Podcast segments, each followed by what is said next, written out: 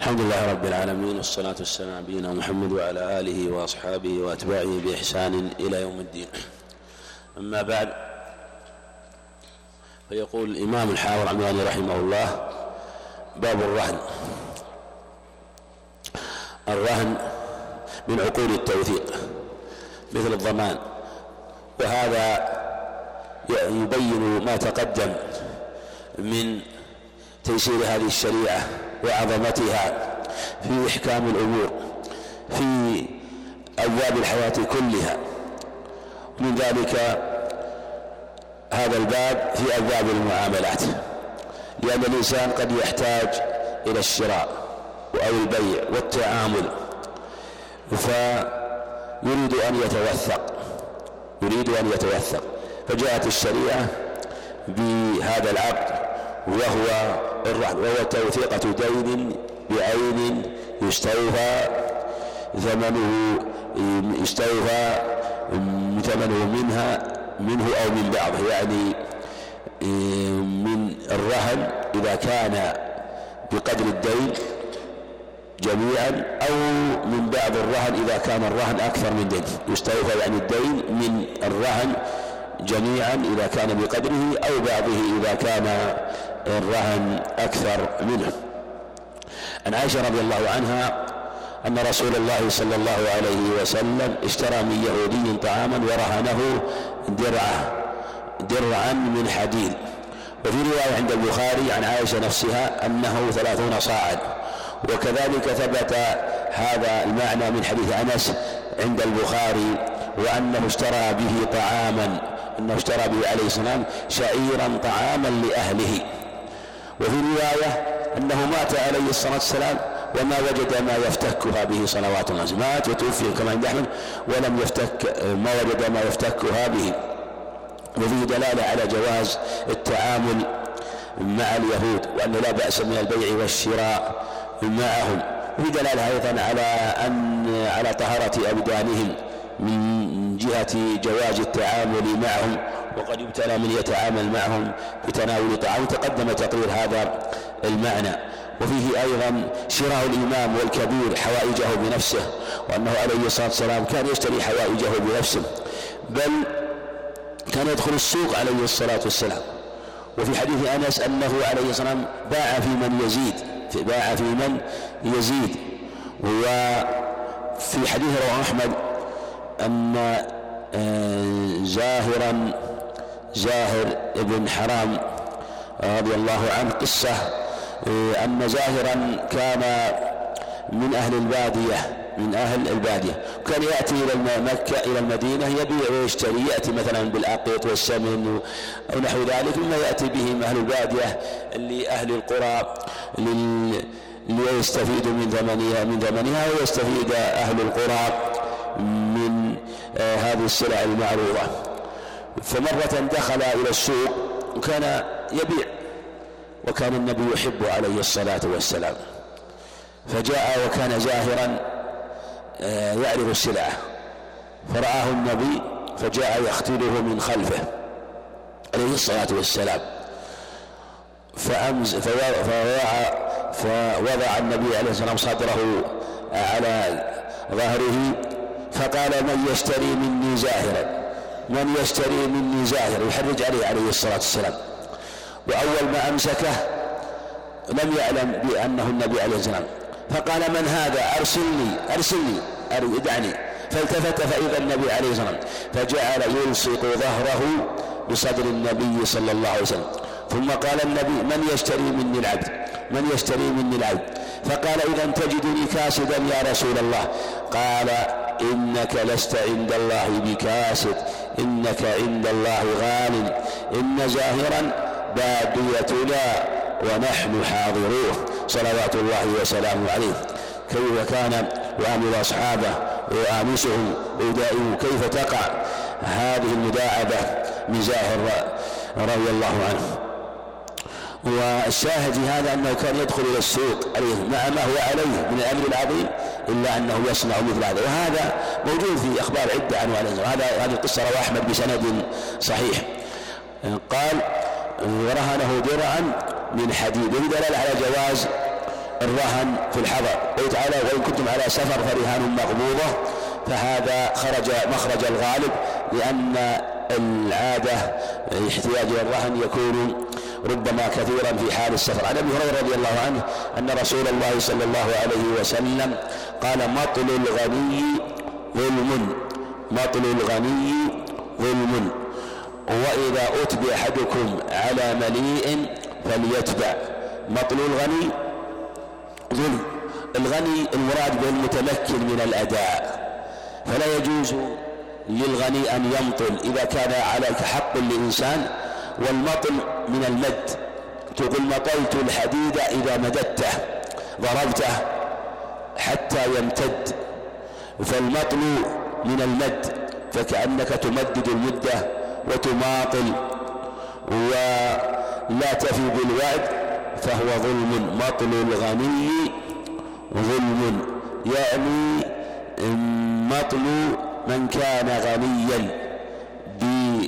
بالمال الذي عليه فإنه ظلم.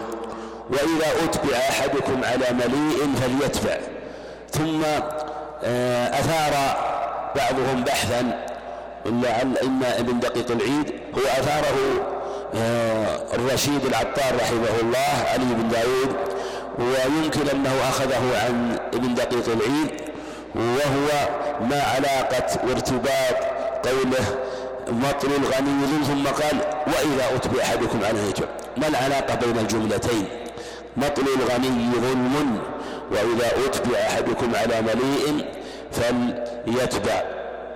في الأمر ونقلت كلامه هنا عندي. يقول الرشيد العطار رحمه الله الأمر بقبول الحياة حواله معلل بكون مطل الغني ظلما لأن المسلم الكامل يحترز. مسلم الكامل يحترز عن الظلم فيكون الأمر سببا لقبول الحوالة على المليء وإذا فقال إن مطل الغني ظلم وإذا أتبع أحدكم على مليء فليتبع فليتبع. بمعنى أن يعني يقول إن المسلم كان يحترز عن الظلم يحترز عن الظلم. فإذا طلبت مثلا من أخيك المال وأنت تطلب وهو أنت تطلبه فلا يمطر فإذا حالك على مليء فاتبع ولا تأبى لأن أخاك المسلم يعلم أنه ظلم. فإذا كان يعلم أنه ظلم إذا كان يعلم أنه ظلم فلن يحيلك إلا على مليء فاتبع يعني فاحتل. ويمكن والله أعلم فيما آه، يظهر والله أعلم أن يقال في يعني فيما يظهر لي والله أعلم أن يقال قد مطل الغني ظلم وإذا أتبع أحدكم على من يتبع أن المقصود أن عليك إذا طلبت من أخيك المال الذي عنده وكان عنده مال لكنه ما أعطاك من ماله قال أحيلك. أنت لا تقول لا ما أقبل حوالة أعطني أنت ما لحاجة تحيلني؟ أنا أريد الحوالة نقول عليك أن تحتل. ولا حاجة أن تخاصمه ولا أن تجادله لأن المخاصمة عكس المعنى المراد من الحوالة. لأن المراد من الحوالة هو دفع المخاصمة دفع المخاصمة. فهو إن كان غني يعطيك مثلا من ماله وإن شاء حالك وأنت ليس لك وأنت قصدك أن تصل إلى حقك فإذا أحالك فاحتل. ولا حاجة أنتم أن أن تقع أيضا في مماطلة في الحوالة فتمطل أنت ولا ترضى بل عليك أن تقبل ما دام أن حقك وصل إليك وأنت تأخذه بلا مشقة. لكن لو حالك إحالة فيه مشقة عليك من يحتاج إلى سفر وما أشبه ذلك هذا لا يلزمك. فقال مطل وإذا أحمد وإذا أتبع وإذا أتبع أحدكم على مريم فليحتل. عند أحمد فليحتل وأيضا يدخل فيه كما نبه عليه بعض العلم أيضا أن المطل يدخل فيه كل مطل حتى في الحقوق المعنوية. فلا يجوز للزوج أن يمطل حق زوجته فلوديه ولا يجوز للزوج أن تمطل بزوجها ولا يجوز للوالد أن يمطل بحقوق أولاده ولا يجوز للولد أن يمطل بحق ولده. والحاكم لا يجوز أن يمطل بحقوق رعيته بأن يؤديها. والرعية لا يجوز لهم المطل في حقوق الوالي والرئيس لا يجوز أن يمطل بحقوق مرؤوسيه ممن له ولاية عليهم. والمرؤوسون لا يجوز أن يمطلوا بحقوق الرئيس. فهذا مطل الغني ظلم فهذه جملة مستقلة. مطل الغني ظلم جملة مستقلة. من مبتدأ وخبر مستقلة تماما. و... وإذا هذه استئنافية؟ استئنافية جملة مستقلة. ثم ذكر بعد ذلك فرعا عليها. ومطل مطل غني معلوم أنها جاز ابتداء بها لأنها وظيفة. والنكرة إذا وظيفة جاز الابتداء بها. ثم ذكر فرعا منها والفروع آه، كثيرة. فكل حق وجب عليك كل حق وجب حق مالي حق معنوي في دوام آه، في أيضا حقوق تعينت عليك من جهة إخوانك في إعانة في شفاعة وأنت قادر. لا تمطل بإخوانك ولا تمتن. مطل الغني ظلم وإذا أتبع عنه عن من لكنه ذكر خصوص هذه المسألة ثم الحوالة لها أحكام عند أهل العلم وتفاصيل وما ذكر رحمه الله هو أنه عليه أن يحتال لكن بشرط أن يكون مليئا. أما إذا لم يكن مليئا فإنه لا يجوز. والملاءة تكون ببدنه وماله وقوله. ببدنه وماله معنى أن يكون المحال عليه مليء بماله وأن يكون أيضا يفي إذا وعد وإذا طلب إحضار الشيء أحضره. فإن فات واحد من هذه فإنه لا يلزم ذلك. عن أبي هريرة رضي الله عنه قال قال رسول الله صلى الله عليه وسلم أو قال سمعت النبي صلى الله عليه وسلم يقول من أدرك ماله بعين عند رجل أو إنسان قد أفلس فهو أحق به من غيره. فمن باع سلعة من إنسان ثم أفلس بعت السيارة بعت الدار بعت الأرض من إنسان ثم قبل أن تستلم المال صار مفلس. إما أنت لم تعلم بفلسه فعلمت أو أنه حينما بعته كان غني لكن أصابه فلس بعدما بعته وأنت لم تقضي لم تقبض من مالك شيء من المال اللي ثمن السلع الشيء من أدرك ماله بعينه ما تغير. أما مثلا لو تغير المال مثلا تصرف فيه مثلا أو أصابه شيء مثل السيارة أصابها شيء وحصل له حال ذلك بعينه تماما. عند رجل أو إنسان قد أفلس فهو أحق من غيره فأنت لك أن ترجع في السلعة. ولو كان هناك غرماء كثيرون فجاءوا يطالبون فلا يشاركونك في هذه السيارة في السنة بعتها أو الأرض اللي بعتها لا يشاركونك. أنت تأخذه من بين شيء ولو كان له غرامة كثير لأنها قضاء من النبي عليه الصلاة والسلام ولا يحتاج إلى قضاء ولا حاكم ولا شيء لأن هذا أمر آه، ورد فيه نص واضح يبين ما دام ثبت ففي هذه الحالة لك أن ترجع بعينه ويدخل فيه أيضا سواء كان بيع أو غير ذاك البيع من صوره وجاء عند مسلم ما يدل على أنه فيه البيع ويدخل فيه كل حق. أقرضته قرضا ثم أفلس. وهل يدخل فيه المنفعة؟ مثل أجرت بيتك من إنسان أو سيارة من إنسان ثم قبل أن تستلم الأجرة أو بعضها. أفلس. الصحيح أنك لك ترجع في عين سيارتك وتفسخ الأجرة لأن الأجرة منفعة والمنفعة مال. قال ما له بعينه. وهذا هو الصواب قوله فهو حق به من غيره. لكن بشرطين ألا تستلم تقبض منها شيئا وألا يكون قد مات. فإن مات قبل أن تقبض فأنت أسوة الغرماء وهذا ورد في حديث جيد من أبي هريرة عند أبي داود فإن قبض من ثمن شيء أو مات فهو أسوة الغرماء عن جابر بن عبد الله رضي الله عنهما قال جعل وفي لفظ قضى النبي صلى الله عليه وسلم بالشفعة في كل ما لم يقسم كل ما لم يقسم ففيه الشفعة فيه الشفعة. إذا كان بينك وبين جارك بين صاحبك شركة في أرض أو بيت مشترك بينكما مشاع فالشفعة فإذا وقعت الحدود قسمتما الأرض قسمتما البستان قسمتما الدار فوقعت الحدود وصرفت الطرق كل تبين حقه فلا شفعة عند مسلم ربعة أو دار فلا شفعة والشفعة هل هي إيه، لأجل سوء المشاركة؟ يعني لأجل سوء المشاركة أو لأجل الضرر اللاحق بالقسمة؟ قال فلا شفعة هل نفي الشفعة هنا لأجل الضرر اللاحق بالقسمة أو الضرر اللاحق بالمشاركة؟ الضرر اللاحق بالمشاركة. بعضهم قال لأجل الضرر اللاحق بالقسمة. مثل لو كان بينك وبين إنسان مثلا بستان. ما يمكن قسمته. ما يمكن قسمته إلا بضرر. مثل يكون فيه بئر والبئر في أحد القسمين ولا يمكن قسمته إن قسمناه صارت البئر في نصيب هذا أو في نصيب دون أحدهم ما يمكن قسمته أو بيت بينكما آه، لا يمكن قسمته لأنه لو قسم لو قسم مثلا صار مثلا بعض المواضع كالخلا مثلا في نصيب دون نصيب صحيح في ضرر. في هذه الحالة قالوا الضرر اللاحق بالقسمة فإن كان في ضرر في هذه الحالة لا يلزمه الشيوع في هذا. لأنه لو أمر بالقسمة لا يستطيع أن يقسم للضرر اللاحق. أو للضرر اللاحق بالشركة وهذا هو الأظهر والله أعلم. وهذا هو الأظهر والله. ولهذا في حال الذي لا ينقسم إذا باعه نصيبه من شخص آخر فلك أن تشفع لأنه يدخل عليك شخص آخر أنت لا تريده. فيشاركك وتشاركه فيكون عليك ضرر. وعلى والجمهور يقولون لا شفعة فيما لا ينقسم. مثل بينك وبين جارك بينك وبين صاحبك بعير. بعير. ما يمكن قسمته. بينك وبينه شركة في جهاز حاسب. شركة في سيارة. فأنت بعت نصيبك. بعت نصيب آه، من إنسان.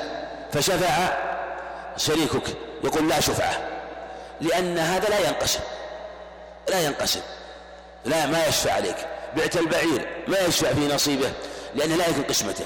إذا قلنا أن الضرر لاحق بالقسمة وإن قلنا الضرر اللاحق بالشركة وهو الصحيح ويقره القيم رحمه الله الموقعين فإنه له أي لك يعني له الشفعة له الشفعة في هذا.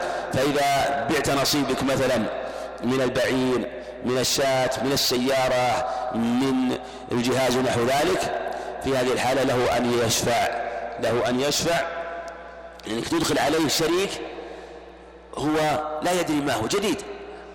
أنت هو معك أو أنت معه كان يعرفك وتعرفه وتعامله وليس بينكما نزاع دخلت عليه إنسان شريك فيقول أنا ما أرضى بالحقيقة فله إيش؟ وهذا هو الصحيح وهذا هو الذي يتمشى مع معاني الشريعة وهو دفع الضرر اللاحق بالشركة عن عبد الله بن عمر رضي الله عنهما قال أصاب عمر أرضا بخيبر.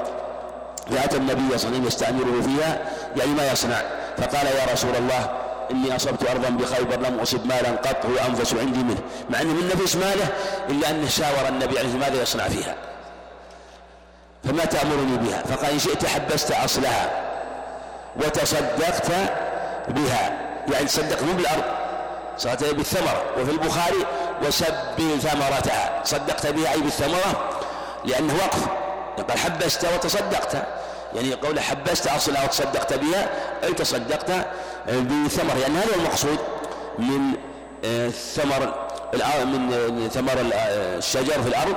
هو أو المقصود من الشجرة هو الثمرة هو الثمرة. قال في الرواية الأخرى عند البخاري وسب ثمرتها قال فتصدق بها غير أنه لا يباع أصلها. لا يباع إنما ينتفع بالثمرة. وهذه هي أسباب الملك. أولا البيع ولا يوهب الهبة ما توهب وهذا, وهذا سبب آخر من أسباب الملك ولا يورث وهذه أسباب الملك. إما البيع أو الهبة أو الميراث هذه أسباب التملك. قال فتصدق عمر في الفقراء وفي القربى قربى وفي قربى عمر رضي الله عنه وكذلك قربى المتصدق مثلا وفي الرقاب أي المكاتبون. أو العتق أيضا. وفي سبيل الله الجهاد. وابن السبيل والسافر وهو مسافر محتاج. والضيف لأن حق الضيافة. ولا جناح على من وليها أن يأكل منها بالمعروف أو يطعم صديقا غير متمول فيها أو في لفظ غير متأثر. يعني يتخذ أصل مال لأن المقصود هو تسبيل الثمرة. هؤلاء الأصناف كلهم كل أصناف هؤلاء من أهل الزكاة إلا الضيف. إلا الضيف. إلا إذا كان الضيف محتاج. وكذلك القربى يعني إذا كانوا فقراء فهم من أهل الزكاة. وفي لفظ غير متأثل بدلالة على مشروعية التحبيس والوقف وهو من أعظم أبواب البر والخير في نفع آه، عموم المحتاجين من أهل الإسلام. عن عمر رضي الله عنه قال حملت على فرس في سبيل الله. يعني أنه حمل إنسان على فرس وتصدق به عليه. لم يقفه تصدق به على إنسان يجاهد به في سبيل الله. فأضاعه الذي كان عنده. يعني ما اعتنى به. أهمله. فأردت أن أشتريه. وظننت أنه يبيعه برخص لأنه أضاعه. فكان سبب في رخص منه فسألت النبي صلى الله عليه وسلم فقال لا تشتره لا تشتري هذا. ولا تعد في صدقتك. جعل عود في الصدقة. مع أنه بيشتري. لكن لماذا؟ لأن الغالب أن من تتصدق عليه ويريد أن يبيع.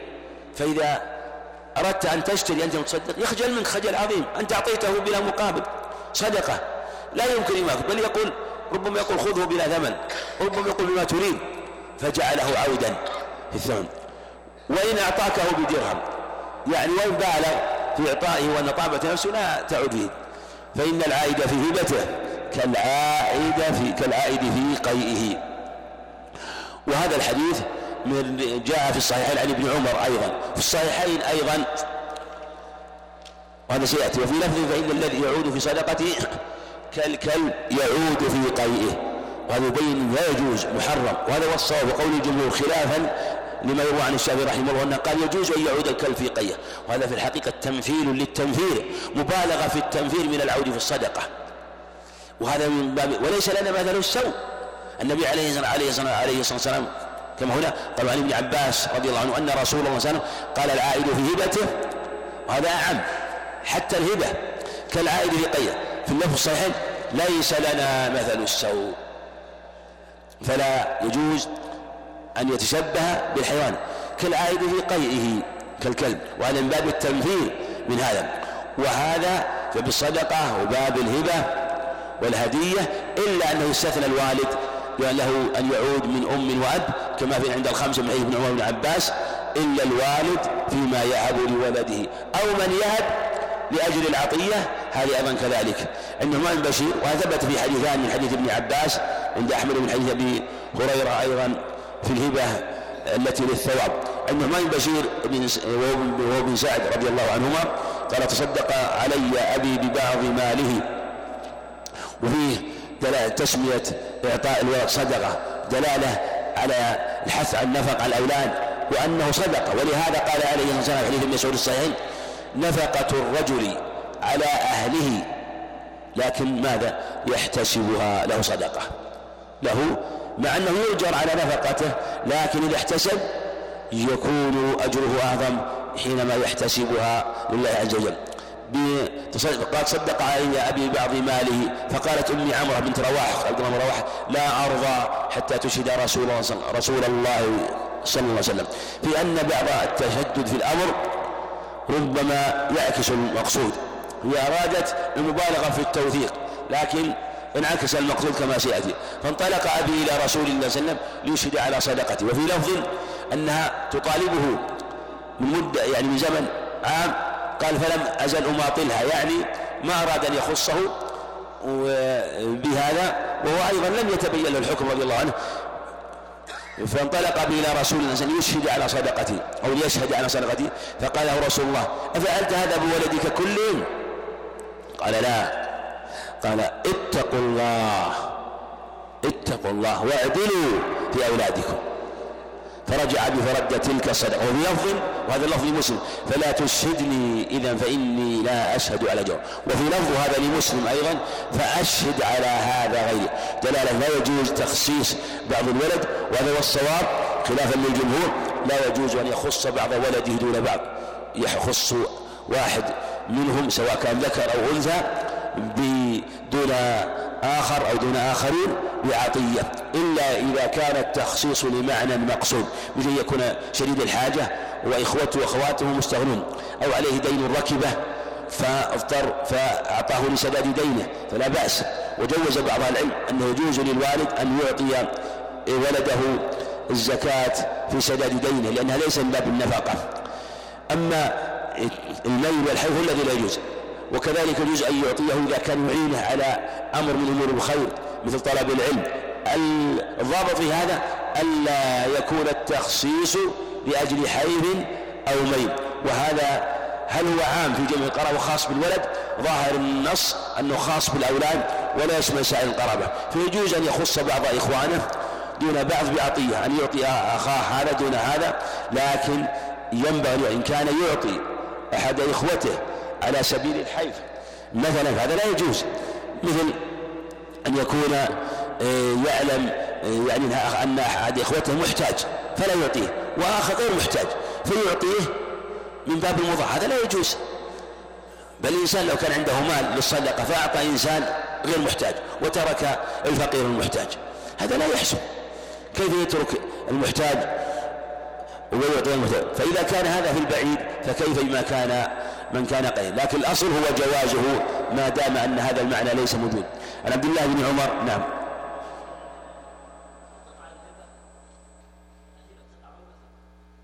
يعني آه، لا لا ما تنفذ قال النبي عليه الصلاة والسلام قال فرجع أبي فرد تلك الصدقة. هذا إلا إذا مات المعطي. هذا في خلاف. مثل إذا كان موجود يجب الرجوع لكن لو أنه ما رجع. أدركه الموت أو أنه ما علم جاهل أو آه، ليس جاهل عالم ما رجع. فخص بعض أولاده حتى مات. الجمهور يقولون تنفذ العطية ولا رجوع فيها والإثم عليه. لكن الصحيح واختاره ابن بطة رحمه الله من الحنابلة وهو قول تقي الدين أنه يجب على الورثة أن يردوها ولا يجوز أن فلو خص بعض ولده بمال ثم مات ولم يرجع فيها فلا يجوز لهم أن يقبضوها لأنها محرمة ولا تجوز ولا تطيب لهم ولو كان قد مات. عن عبد الله بن عمر رضي الله عنهما أن النبي صلى الله عليه وسلم عامل على خيبر بشطر ما يخرج منها من ثمر أو زرع. خيبر هذه كانت حصون لليهود آه، وغزوة خيبر معلومة في المحرم سنة سبع من الهجرة وفي أن النبي عليه السلام حينما غزاهم وبعد ذلك عاملهم على أن يعملوا في البساتين وأن لهم النصف وللنبي صلى الله عليه وسلم النصف والصحيح أنه لا بأس سواء كان الحب منهم أو منه والنبي لم يستثن شيء من ذلك ذهب الجمهور العلماء أنه يجب أن يكون الحب من صاحب المزرعة صاحب الأرض فقالوا إذا عاملت إنسان على أن يزرع فيكون الحب منك. وهذا نزله منزلة المضارب وهذا قول ضعيف.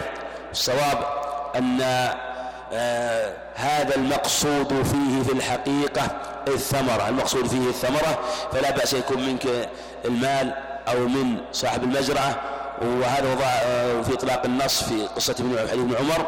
وكذلك عن عمر رضي الله عنه كما روى البخاري معلقا أنه قال إن كان الثمر إن كان الحب من عمر فله كذا وكذا وإن كان الحب منكم فلكم كذا وكذا. فالصواب جواز الأمرين. عن بن خديجة رضي الله عنه قال كنا أكثر أنصار حقنا وكنا نكري أي نؤجر الأرض على أن لنا هذه ولهم هذه. يعني نقول نزارعكم الأرض ولنا الحب أو الثمرة التي تكون في جهة الأرض هذه وأنتم لكم الحب أو الثمر الذي في هذه الجهة وهذا في غرض قد ينبت هذا وينبت هذا كما تقدم. فربما أخرجت هذه في لفظ له ولم تخرج هذه فيحصل غرض فنهانا عن ذلك. فأما الورق فلم ينهنا يعني يؤجرها بورق هذا لا بأس هذه إجارة. ولمسلم عن ظلم قيس سألت رافع بن خديج رضي الله عنه عن كرامة بالذهب والورق فقال لا بأس إنما كان الناس يؤاجرون على الماريانات وهي الأنهار الكبر كما سيأتي وأقبال الجداول وأشياء من الزرع يعني على السواقي يقول لنا ما على السواقي وما شاء فيهلك هذا ويسلم هذا لا يدرون ما يهلك ويدرون ما يسلم ولم يكن للناس كرام إلا هذا. ولذلك زجر عنه فأما شيء معلوم مضمون فلا بأس. المعلوم المضمون بمال هذا لا بأس به. أو بأن يخبي الثلث والربع لك ثلث الثمرة ربع الثمرة فلا بأس. ومن ذلك من حينما يضارب الإنسان. يقول الإنسان خذ هذا المال لعامل تبيع فيه وتشتري. على ما قسم الله لك من الربح خمسون في المئة ولي خمسون هذا لا بأس لكن لو قال صاحب المال تعطيني في الشهر ألف ريال ألف ريال هذا لا يجوز لأنه يجوز أن يربح مئة ألف ويجوز أن لا يربح شيئا. وهذا غرر مخاطرة فلا يجوز أن يشرط ولا فنسا واحدا. قال قال المصنف الماديانات الانهار الكبار والجداول النهر الصغير. يعني ما يجوز أن تقول أنا لي ما ينبت على آه، النهر لأن الذي يكون في مجرى النهر ينبت بسرعة. ينبت بسرعة وكذلك الذي على أقبال الجداول إنها انهار صغيرة فلا يجوز اشتراط شيء من ذلك فربما تنبت وربما لا تنبت. عن جابر بن عبد الله رضي الله عنهما قال قضى رسول الله صلى الله عليه وسلم بالعمرة لمن وبئت له ولا وكذلك ثبتت هذه أو ثبت آه، القضاء بالعمرة في الصحيحين عن أبي هريرة وأن النبي عليه قال العمرة جائزة. وفي لفظ من آه، أعمر عمرة له ولعقبه فإنها للذي أعطيها. لا ترجع للذي أعطى للذي إلى الذي أعطاها. لأنه أعطى عطاء وقعت فيه المواريث. وقال جابر إنما العمرة التي أجازها رسول الله صلى الله عليه وسلم يقول هي لك ولعقبك. فأما إذا قال هي لك ما عشت فإنها ترجع إلى صاحب فإنها ترجع إلى صاحبها. العمرة يعني نوع من البياعات التي كانت موجودة في الجاهلية وأقر الإسلام لا أقر الإسلام لكن بينها. فقال عمرة لمن هبته فالعمرة ثلاثة أحوال. سميت عمرة لأنها تقول لك عمرك مدة عمرك. فإذا قال أعمرتك هذه أعمرتك الدار أعمرتك السيارة أرقبتك سمى الرقبة أيضا لأن كل منهم يرقب الثاني متى يموت مثلا. فإن كان أعمره وأطلق ما قال لك حياتك وترجع لي إذا مت؟ فهي للمعمر ولورثته. وإن قال هي لك ولعقبك هذا نص في ذلك أنها له ولعقب وإن قال ترجع إلي فهي ترجع فهي ثلاث أحوال تارة يشرط رجوعها آه، بأن بعد وفاته فترجع إلى المعمر. وتارة يطلق فإذا أطلق فإنها لمن أعمر. وتارة ينص على فيقول هي لك ولعقبك فهذه من باب أولى أنها تكون للمعمر. والنبي عليه الصلاة والسلام لماذا قال هذا؟ لماذا؟ يبين أن العمرة عند الإطلاق لا تظن أنها كالعارية ترجع إلى المعير. لا لأنهم ربما ظنوا أنها كالعارية. فهي ليست كالعارية. العارية ترجع ما يحاج أن يشرط؟ يقول في لأنها من اسمها إعارة. لكن الخلاف هل تلزم بالشرط ولا ما تلزم بالشرط وإذا قال عرتك شهرا فهل يتلزم كما قول مالك ولا تلزم كما قول الجمهور؟ فأراد يبين لهم أن العمرة لا ترجع وليست كذلك إلا إذا شرطت رجوعها. أما عند الإطلاق فهي حكم حكم مشروطها بعدم الرجوع. وفي لفظ المسلم أمسكوا عليكم أموالكم ولا تفسدوها. فإنه من أعمر عمرا. هذا هو الدليل. أعمر عمرا فهي للذي ماذا أعمرها؟ أو يعمرها حيا وميتا ولعقله. يعني أجرى العمرة المطلقة مجرى العمرة المقيدة بعدم الرجوع. بخلاف العمرة المقيدة فهذه عارية مؤقتة ترجع إلى صاحبها. وهذا هو الفرق بين العارية وبين العمرة أن العارية عند الجمهور لا تلزم بالشرط ولو وقفت أما العمرة فتلزم وتبقى بالشرط إذا قال هي لك حياتك ثم ترجع إليه. عن أبي هريرة رضي الله عنه أن رسول الله صلى الله عليه وسلم قال لا يمنعن. هذه الظاهر لفظ أحمد فيما أذكر وأنا ما رجعت لك احتاج ولفظ الصحيحين لا يمنع. بالنهي غير مؤكد لكن أحمد لا يمنعن. المؤكد بدون التوكيد الثقيلة. جار جاره جار جاره أن يغرز خشبة روي خشبه في جداره. ثم يقول أبو هريرة ما لي أراكم عنها معرضين؟ والله لا أرمين النبي من أكتافكم إلى إن هذا قال أبو هريرة لما كان واليا على المدينة. وهذا الحديث ظاهره أنه يجب آه، على صاحب الدار أن يمكن جاره أن يغرز خشبة في الجدار ومبني على قاعدة أن من تعين عليه حق فامتنع من بذله. هل يسقط إذنه أو لا يسقط؟ هل يسقط إذنه؟ أو مثل مثلا من وجب عليه إطعام الجائع يسقط إذنه وله أن يقاتله. والنبي عليه الصلاة والسلام قال لأبي عقبة حينما قالوا يا رسول الله إنك تبعثنا فنمر بقوم فلا يقومون لنا فقال إذا بعثتكم فمررتم بقوم فأمروا لكم بقيرا فاقبلوه وإن لم يأمروا يأمر لكم فخذوا منهم حق الضيف الذي ينبغي لهم. والنبي عليه الصلاة والسلام قضى لهند بنت عتبة رضي الله عنها بأن تأخذ من مال أبي سفيان أن تأخذ هي وولدها بالمعروف. فالمقصود أن من امتنع من حق وجب بذله عليه فإنه يسقط إذنه وهذا من هذا ولا يحتاج إلى الحاكم والقاضي إلا عندما يخشى الضرر فإنه في أو أو النزاع فإنه عليه أن يراعي ذلك. ولهذا إذا كان لا ضرر على جارك فيلزمه. ثم إن الخشب كما ذكر أهل العلم يقوي الجدار يقوي الجدار لا يرخيه إلا إذا كان جداره ضعيفا يخشى من سقوط سقوطه. هذا إذا كان الجدار لجار أو مشترك. أما إذا كان الجدار لنفس صاحب الخشب أو كان جدارين فلا إذن في هذه الحال. عن عائشة رضي الله عنها أن رسول الله صلى الله عليه وسلم قال من ظلم من ظلم قيد شبر من الأرض طوقه من سبع أراضين. وأيضا ثبت في الصحيحين هذا المعنى من حيث سعيد بن زيد. وأيضا في الصحيحين خسف من حيث ابن عمر خسف به من سبع أراضين والأيضا غير أن مسلم أيضا من ظلم قيل شبر طوقه من سبع أراضين يعني والعياذ يكون طوقا في عنقه. ويبين حديث ابن عمر أن المراد خسف به والعياذ بالله. هذا في قيد شبر. إذا كان ظلم قيد شبر فكيف إذا كان الظلم بأكثر من ذلك؟ فإنه يكون أعظم وأعظم قال من ظلم قيد شبر من طوقه من سبع رضين وهذا في دلالة آه، على آه، تحريم غصب العقار ونحوه وأنه يصح غصبه وأن من غصبه وأتلف شيء منه فإنه يضمن ذلك. قال باب اللقطة.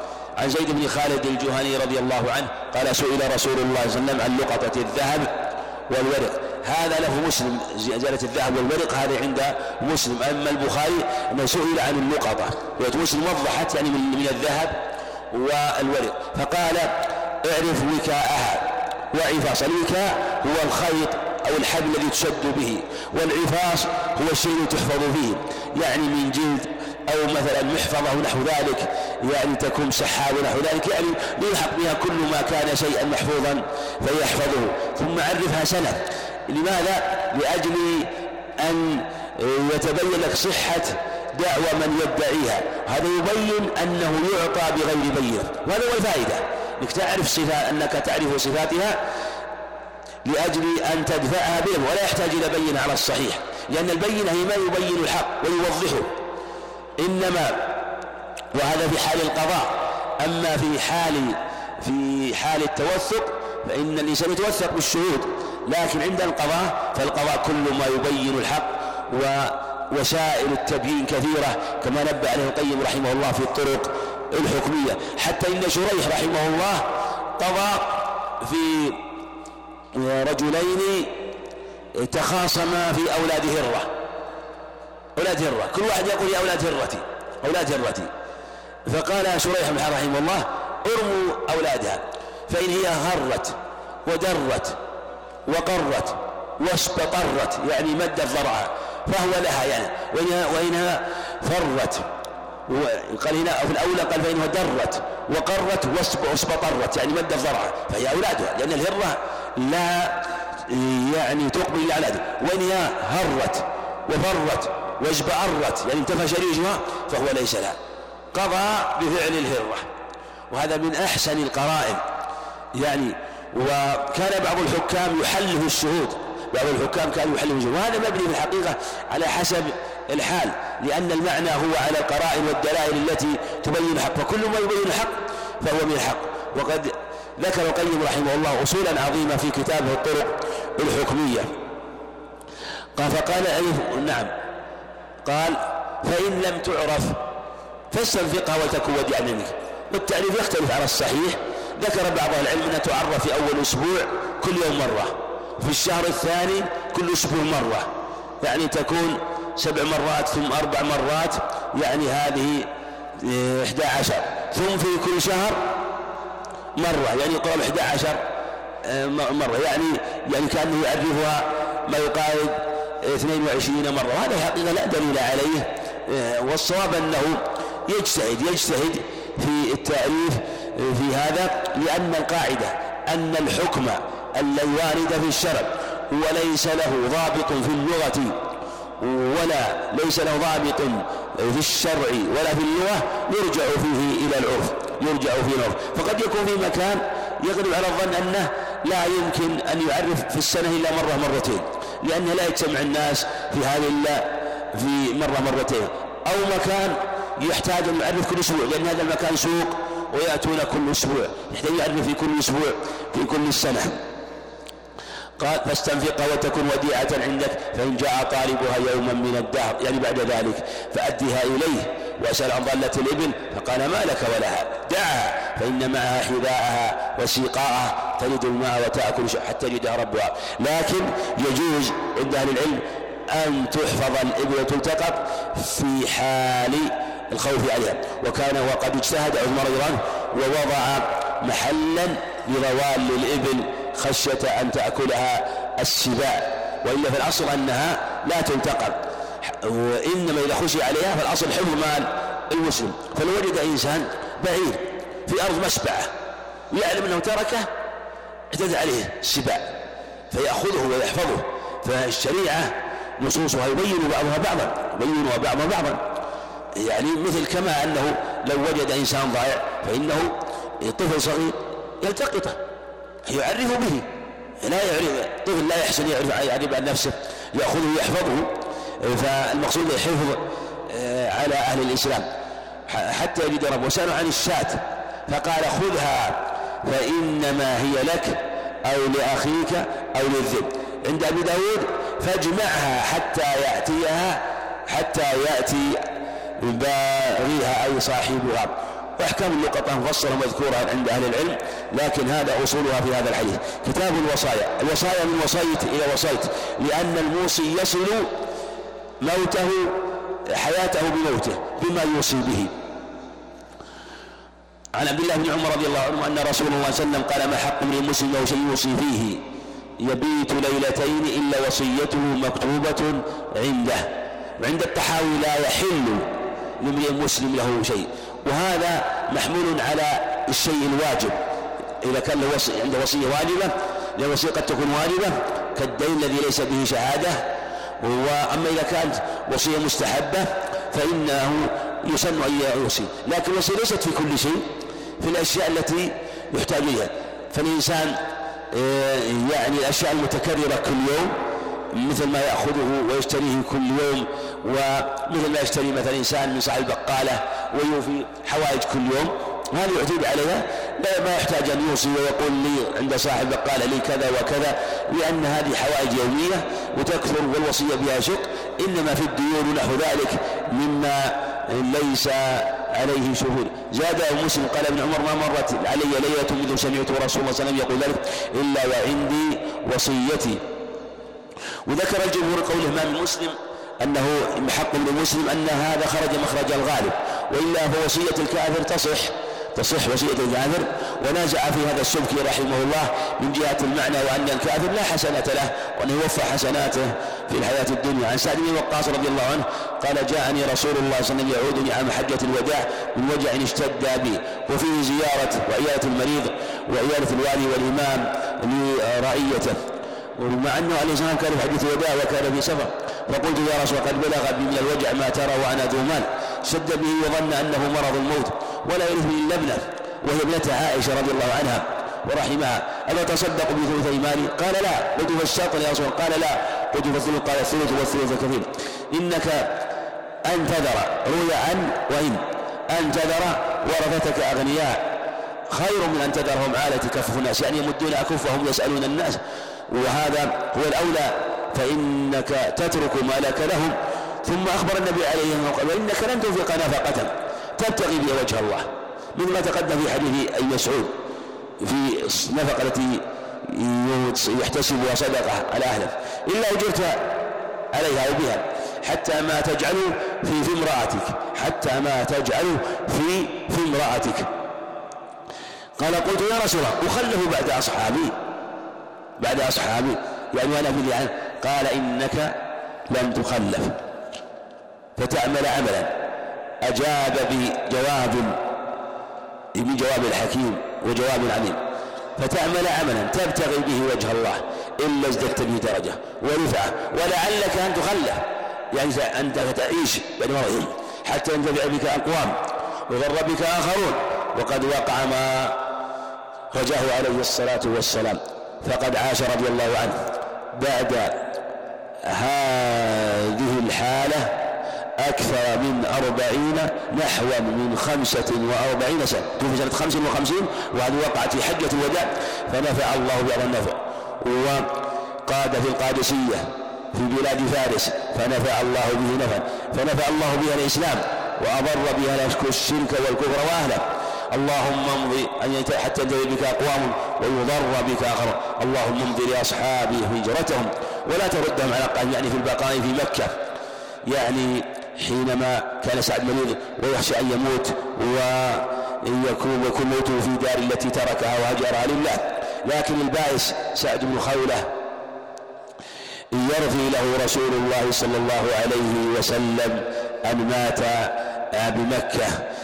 يعني ليس من الرثاء يتعدى حسن إنما من الرثاء وهو التحزن وهو التحزن وهذا على الصحيح مرفوع. ليس كما جاء بعضهم أنه من قول الزهري وجاء في عند البخاري من قول سعد آه، نقله عن النبي عليه الصلاة والسلام عن عبد الله بن عباس. وفيه دلالة على أن الإنسان يوصي ويوصي وأن وصيه تختلف. ولا يجوز الوصية بأكثر من الثلث ولا يجوز لوارث لا وصية لوارث. والوصية الثلث فاقل غير وارث اختلف العلماء. إذا لم يكن له ورث هل يجوز الوصية بأكثر من ثلث. ذهب الإمام أحمد وأبي حنيفة لأنه يجوز له أن يوصي بماله كله إذا لم يكن له ورثة وذهب مالك والشافعي لأنه لا يجوز الوصية بأكثر من الثلث. ولو لم يكن ورثة يدع ماله لبيت مال المسلمين. نعم. أما الثلث فهذا يختلف. فإن كان له ورثة كثيرون وهم محتاجون فعليه أن يجتهد وإن كان يضرهم الوصية فلا يوصي. وأبو بكر رضي الله عنه اختار الخمس رضي الله عنه. وفي حديث عبد الله بن عن عبد الله بن عباس رضي الله عنهما قال لو أن الناس غضوا من الثلث ونقصوا إلى الربع فإن رسول الله صلى الله عليه وسلم قال الثلث والثلث كثير. كتاب الفرائض الفرائض جمع فريضة وهي نصيب مقدر شرعا لوارث مخصوص. عن عبد الله بن عباس رضي الله عنهما عن النبي قال ألحقوا الفرائض بأهلها يعني أصحابها من أهل أنصبة فما بقي بعد الأرض فهو لأولى رجل ذكر فهو لأولى رجل ذكر. قال رجل ذكر إشارة إلى أن الاستحقاق بالذكورية ولو كان صغيرا ولو كان في المال. وفيه دلالة على أن الفرائض تلحق بأهلها ثم بعد ذلك يكون أصحاب العصبة واستدل بهذا جمهور العلماء آه، في مسألة مشركة وأنه يسقط فيها يسقط فيه وهي ما إذا كان زوج وأم وإخوة أشقاء وإخوة لأم وإخوة لأم فللزوج النصف وللأم السدس وللإخوة لأم الثلث. وإن زوجا وأما ورثا زوجا وأما إنه النصف ورثا يعني ورثا بالفرض ورثا بالفرض. فشروطها وكان أربعة زوج له النصف وأم لها السدس ولوجود الجمع الإخوة وإخوة من أم لهم الثلث للتعدد وعدم الفرع الوارث وعدم الأصل الوارث من الذكور في هذه الحالة. أعطيهم الثلث. طيب الإخوة الأشقاء عصبة بقي شيء؟ المسألة من كم المسألة؟ عندنا سدس وعندنا ثلث. في هذه الحالة السدس والثلث بينهما تداخل فيؤخذ نعم الستة وهو الأكبر. الستة المسألة من ستة. المسألة من ستة فلأم السدس والإخوة لأم لهم الثلث اثنان هذه ثلاثة والزوج النصف. والزوج النصف كما تقدم. آه لا ثلاثة. بقي شيء ولا بقي شيء؟ انتهت. ألحق المرأة. فما بقي؟ ما بقي شيء. يسقط الإخوة الأشقاء ويرث الإخوة لهم وأن تجد زوجا أما ورثا وإخوة لأم. حازوا الثلثا حازوا الثلثا ثم قال فاجعلهم يلوها كلهم أمي واجعل أباهم حجرا في اليم يعني ك ويسميهم بعض اليمية ويسميها بعضهم الحجرية. المعنى ليس لهم شيء وهذا هو الصواب في هذه المسألة. وهي يقسم المال بين الفرائض. على كتابه فما ترك فما تركت فلأولى رجل ذكر. هذه الرواية رواها مسلم. عن أسامة بن زيد رضي الله عنه قال قلت يا رسول الله أتنزل غدا في دارك مكة؟ فقال وهل ترك لنا عقيل من ربا ثم قال لا يرث الكافر المسلم ولا المسلم الكافر. أما الكافر لا يرث المسلم هذا بالإجماع. أما إرث المسلم الكافر هذا قول الجماهير. وخالف في ذلك معاذ بن جبل ومعاوية وشيخ الإسلام رحمه الله. الصواب أنه لا يرث المسلم الكافر كما لا يرث المسلم كما لا يرث الكافر المسلم. عن عبد الله بن عمر رضي الله عنهما أن النبي صلى الله عليه وسلم نهى عن بيع الولاء وهبة الولاء لحمة ولحمة النسب يورث به ولا يورث ولا يورث وهو بعد العصبة من النسب والولاء لحمة كلحمة النسب. نهى عن بيع الولاء وهبته عليه الصلاة والسلام. عن عائشة رضي الله عنها قالت كان في بريرة ثلاث سنن خيرت على زوجها حين عتقت وملكت نفسها وملكت نفسها.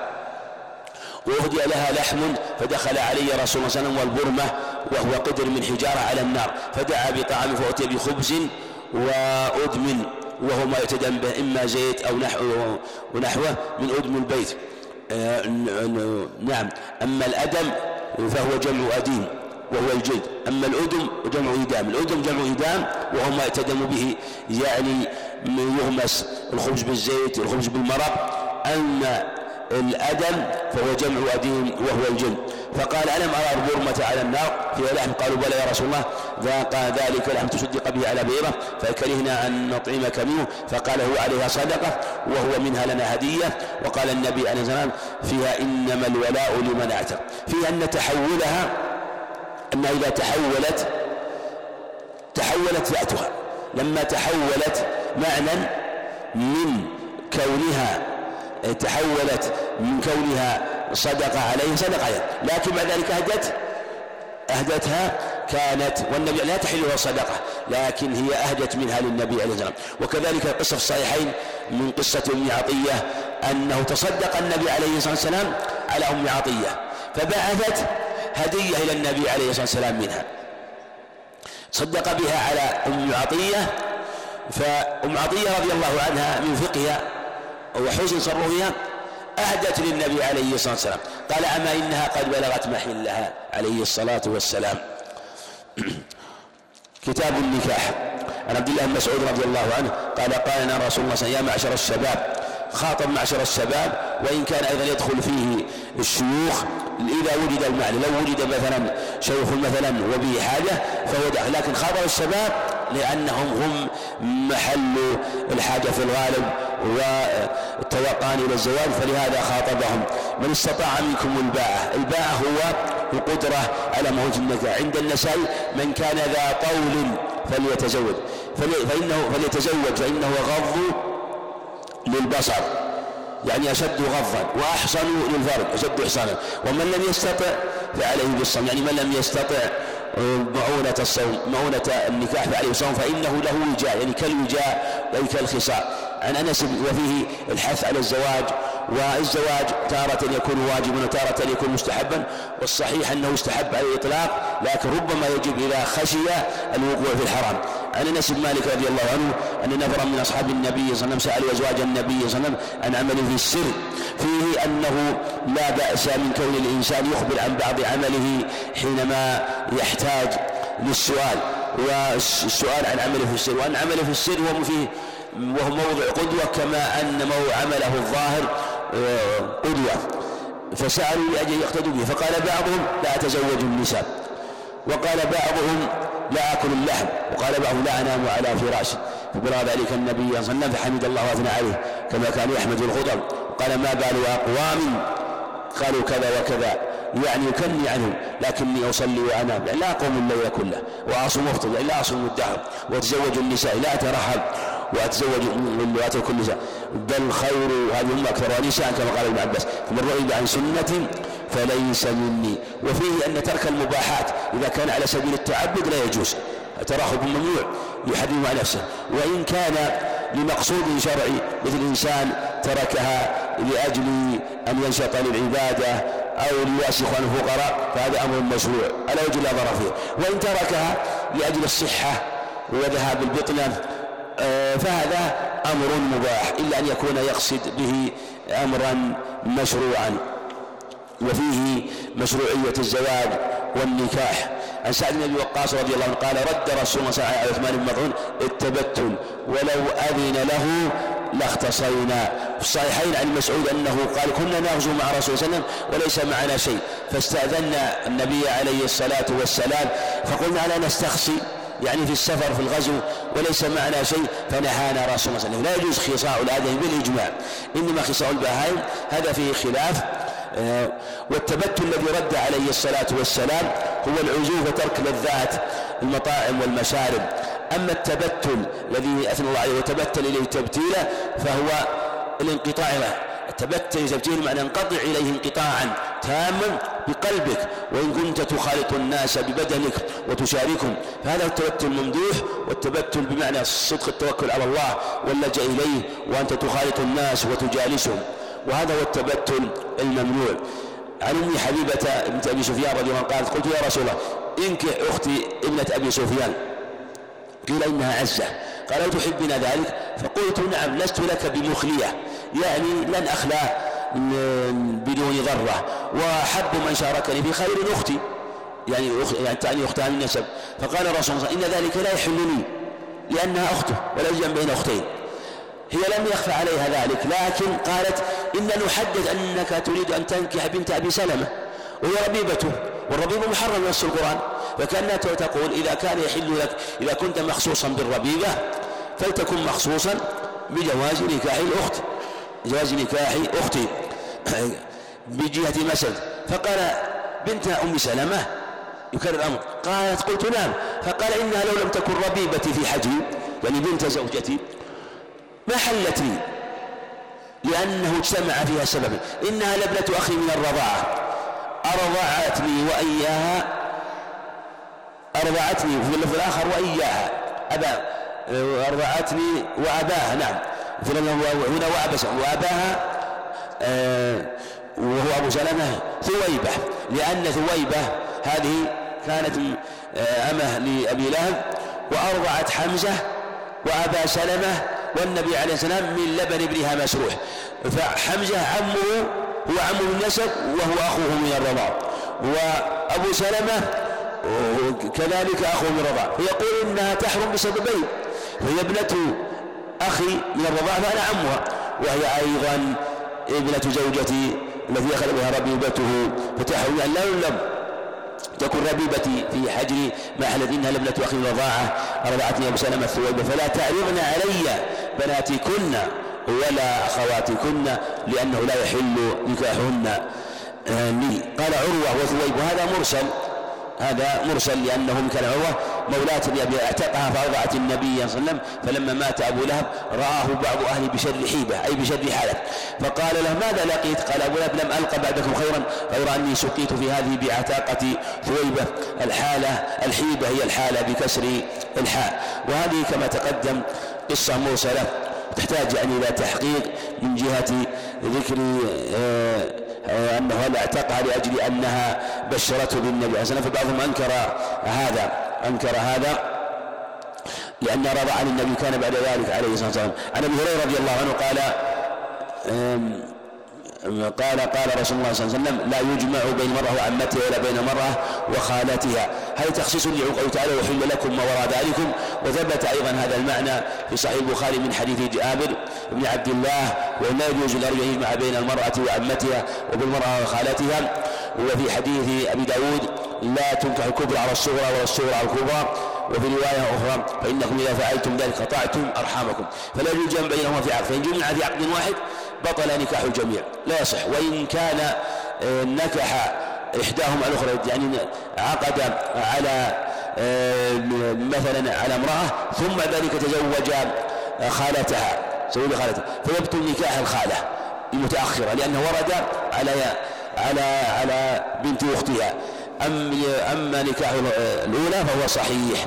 عن عقبة بن عامر رضي الله عنه قال قال رسول الله صلى الله عليه وسلم إن حق الشروط به ما استحليتم به الفروج وقال عمر مقاطع الحقوق عند الشروط. يعني؟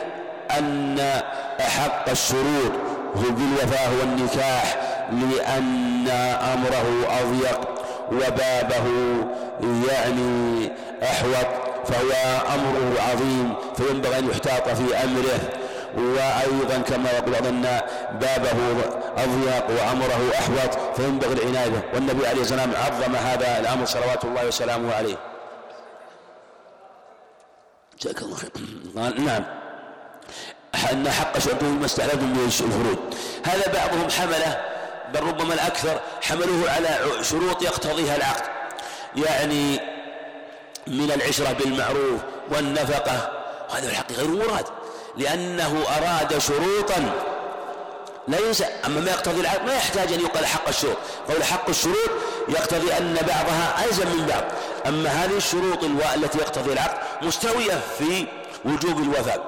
لقولها حق على صيغة أفعل مما يدل على أنها متفاضلة وأن بعضها أحق بالبعض وهذا فيما يشترطه آه، يعني ولي المرأة أو تشترطه المرأة على زوجها أو يشترطه الزوج على امرأته من شروط أخرى لا يقتضيها العقد. فيجب الوفاء به فيجب الوفاء. وتشترط عليه شروط خاصة لا يقتضيها العقد. أو تشترط ويشترط الرجل على المرأة مثلا شروط خاصة لا يقتضيها العقد عند الإطلاق. فيجب الوفاء. مثل لو قالت أشترط عليك ألا تنقلني من دار أهلي. أشترط عليك ألا من أن أكون في بلد أهلي ما تسافر بي. مثلا. فهذا شرط عند الإطلاق لا يلزم فإذا تزوج امرأة ولم تشترط له يسافر بها. لكن آه، لأن شرط لا يقتضي لو شرطته وجب عليه الوفاء. ولهذا لما تزوج رجل امرأة ثم أراد يسافر بها وكانت شرطت عليه دار أهلها فأبد تسافر معه فرفع أمره إلى عمر. فقال عمر لها شرطها. قال يا أمير إذا يطلقننا قال مقاطع الحقوق عند الشروط. هذا هو الفصل. هو الذي يقطع ويبين إذا شرطت لها شرطها. عن عبد الله بن عمر رضي الله عنه أن رسول الله صلى الله عليه وسلم نهى عن الشغار والشغار يزوج الرجل ابنته على أن يزوج ابنته وليس بينهما الصدق هذا أيضا ثبت حديث جابر وأبي هريرة أنه نهى عن الشغار وفي لفظ عند مسلم عن ابن عمر لا شغار في الإسلام. والصحيح أن العلة في الشغار هو أن تجعل يجعل نكاح هذه مكان هذه. سواء سموا مهرا ما سموا مهرا هذا الصواب خلافا لما ذكره جمهور بعض أهل العلم ولعله الجمهور حينما يقول قالوا إن ذكر مهرا فلا يضر. فقد زوجتك ابنتي عن زوجك ابنتك أو أختي عن زوج أختك. أو بنت عم زوج إذا كان وليا لها. هذا ليس خاص.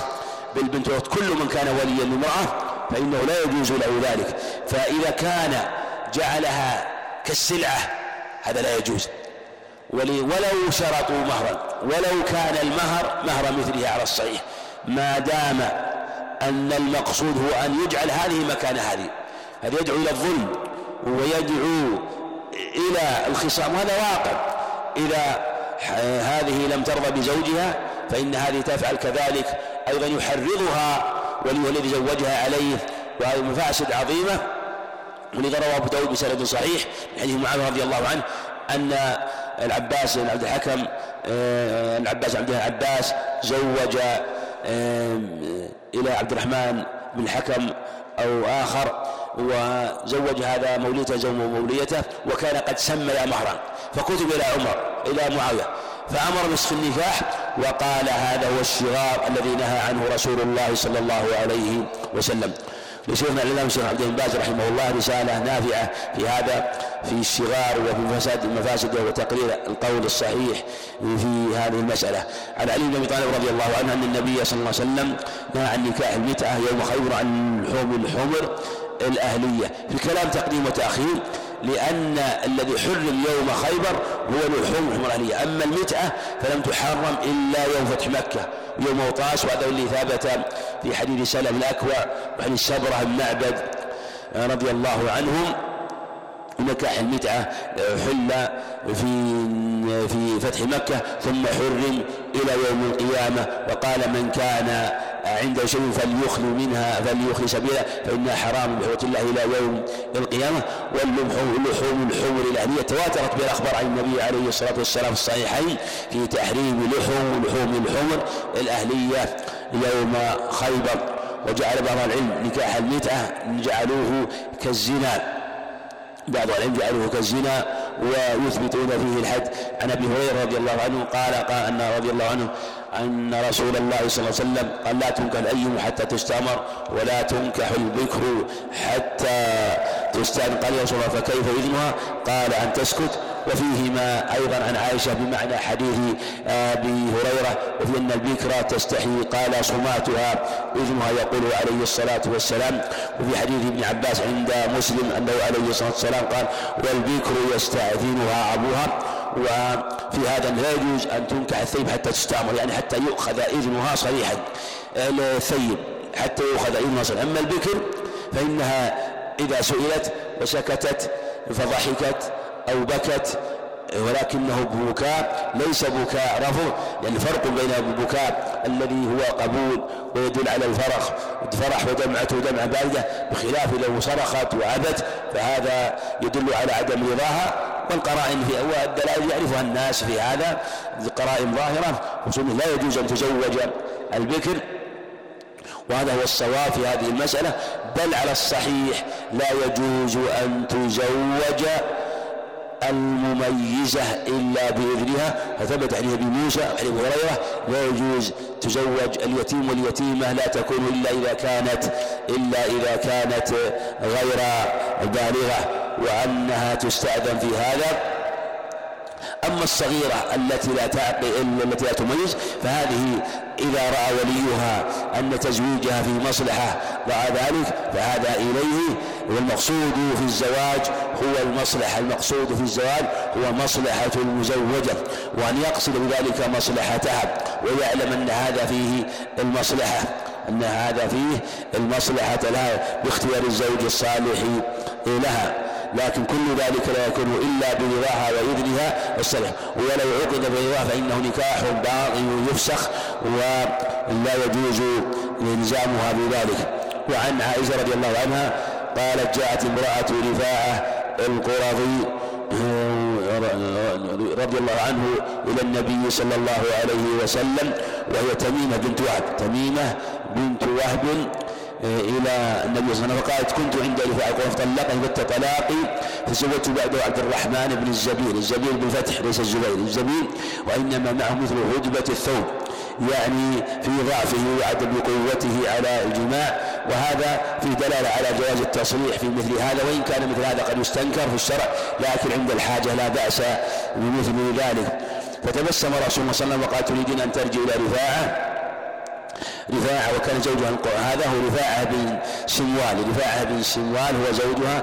فقال حتى تذوقي عسيلته ويذوق عسيلتك. والمعنى حتى تنكح في نكاح صحيح. ويحصل به جماع. ويحصل به جماع. ولا يشترط بذلك الإنزال خلافا لمن قال ذلك. وخلافا أيضا لمن قال يكفي العقد. فهما قولان شاذان. وهو اشتراط الإنزال. أو أن يكون بالعقد بلا جماع وابو بكر عنده وخالد بن سعيد بن وخالد بن سعيد هذا بن عاص القرشي الأموي توفي توفي سنة ثلاثة عشرة قبل أبي بكر رضي الله عنه بليال ينتظر فنادى يا أبي بكر سمع صوت المرأة وهو تقول تقول؟ فقال ألا تسمع إلى هذه ما تجر به عند رسول الله صلى الله عليه وسلم؟ والرسول عليه الصلاة والسلام ساكت لا يقول شيئا. وثبت أيضا في حديث ابن عباس عند النسائي بإسناد صحيح هذا المعنى أيضا من غميصاء والغميصاء أنها وقع أنه وقع لها مثل ما وقع لامرأة رفاعة تميمة بنت وهب.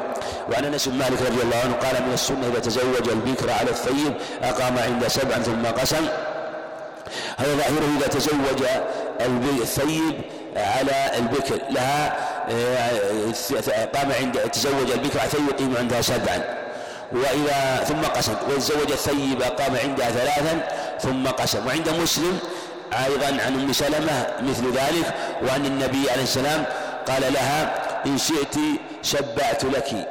أعطيتك سبع وكان ثيب. وإن شبعت لك شبعت لشيء قالت ثلث. يعني ثلاثا فثلث ثم دار عليه الصلاة والسلام. وهل هذا يعني وهذا الحق حق لها هذا الحق حق لها وفي خلاف في بعض المسائل في هذا وهذا الحق ثابت لها للبكر ولو لم يكن عنده زوجة أو لا يكون إلا إذا كان عنده زوجة؟ هذا موضع خلاف بين أهل العلم. قال أبو قلاب ولو شئت لقلت إن أنس رفع إلى النبي صلى الله عليه وسلم وعند ابن خزيمة أن أنس صرح برفعه وأن الرسول عليه الصلاة والسلام قال إذا تزوج البكر على الثيب قام عندها سبعا ثم قسم ويتزوج الثيب على البكر قام عندها ثلاثا ثم قسم. عن ابن عباس رضي الله عنهما قال قال رسول الله صلى الله عليه وسلم لو أن أحدهم هذه لو للتمني إيه، لا تحتاج إلى جواب إذا أراد أن يأتي أنا قال بسم الله اللهم جنبنا الشيطان. وجنب الشيطان ما رزقتنا فإنه قدر بينهما ولد في ذلك لم يضره الشيطان أبدا لم يضره الشيطان أبدا. وهذا ظاهره العموم وهذا ظاهره العموم يعني نازع في الدلالة في هذا. وحمله على نوع من الضرر. وظاهر الحديث أن ببركة التسمية قال بسم الله. اللهم جنبنا الشيطان يعني فعلا وجنب الشيطان ما رزقتنا فإنه إن ولد بينهما ولد لم يضره الشيطان أبدا. والمعنى الضرر الذي يكون فيه فساد. أما يعني الوسوسة ونحو ذلك فهذه لا يكاد يسلم منها أحد. المعنى الضرر الذي يحصل به يعني فساد يعني في دينه وهذا ببركة التسمية عليه التسمية عليه حال المباضعة عن عقبة بن عامر رضي الله عنه أن رسول الله صلى الله عليه وسلم قال إياكم والدخول على النساء. فقال رجل الأنصار يا رسول الله رأيت الحمى قال الحم الموت. والمسلم عن الطاهر عن الوهب قال سمعت الذي يقول الحم أخو الزوج وما أشبهه من أقل زوج ابن عم ونحوهم. الحم الموت. قيل يعني من ضرر كالموت وقيل إنه لا بد منه كالموت. والحم هو يعني قريب الزوج قريب الزوج. الأحماء يطلق على أقارب الزوج. أبيه على أبيه وأخيه وأقارب الآخر وأقارب الآخرون. والأختان أقارب المرأة. والأصهار يطلق عليهما جميعا. الصهر وهو الذي خلق من الماء بشرا فجعله نسبا وصهرا إنسان يصاهر المرأة تصهر الرجل والرجل يصهر المرأة فإذا ولد له هذا هذا هو النسب. والظاهر أن الحمو يشمل المحارم وغير المحارم ويقال الحمو الموت حتى ولو كان ابن والد الرجل والد الزوج وابنه للعموم. ولهذا قالوا أفرأيت الحمو؟ فيشمل المحرم وغير المحرم لأنه ربما يعني آه، يكون المحرم ربما بعض المحارم يكون سببا في فراق الرجل مع أهله أو إفساد الرجل بينه وبين أهله. هذا واقع في قضايا أما إذا كان ليس محرم فساده من جهة أنه أن دخول أخو الزوج بيت بيت أخيه ليس مستنكر. ليس مستنكر. الدخول مثلا قريب مثلا ربما لا يستنكر يعني وزاره وربما يكون سببا في الفساد والشر. فعلى الرجل أن يحتاط والمرأة أن تحتاط. ولو كان هذا أيضا يعني يجري بين الناس ولا بأس بكون يدخل مثلا إلى بيته في المجلس ونحو ذلك لكن على المرأة أن تحتاط في عدم الخلوة مع الأجانب. ولهذا قال رأيت الحم قال الحم الموت وفسر الليث رحمه الله بأقارب الزوج والله أعلم. نقف على باب الصداق.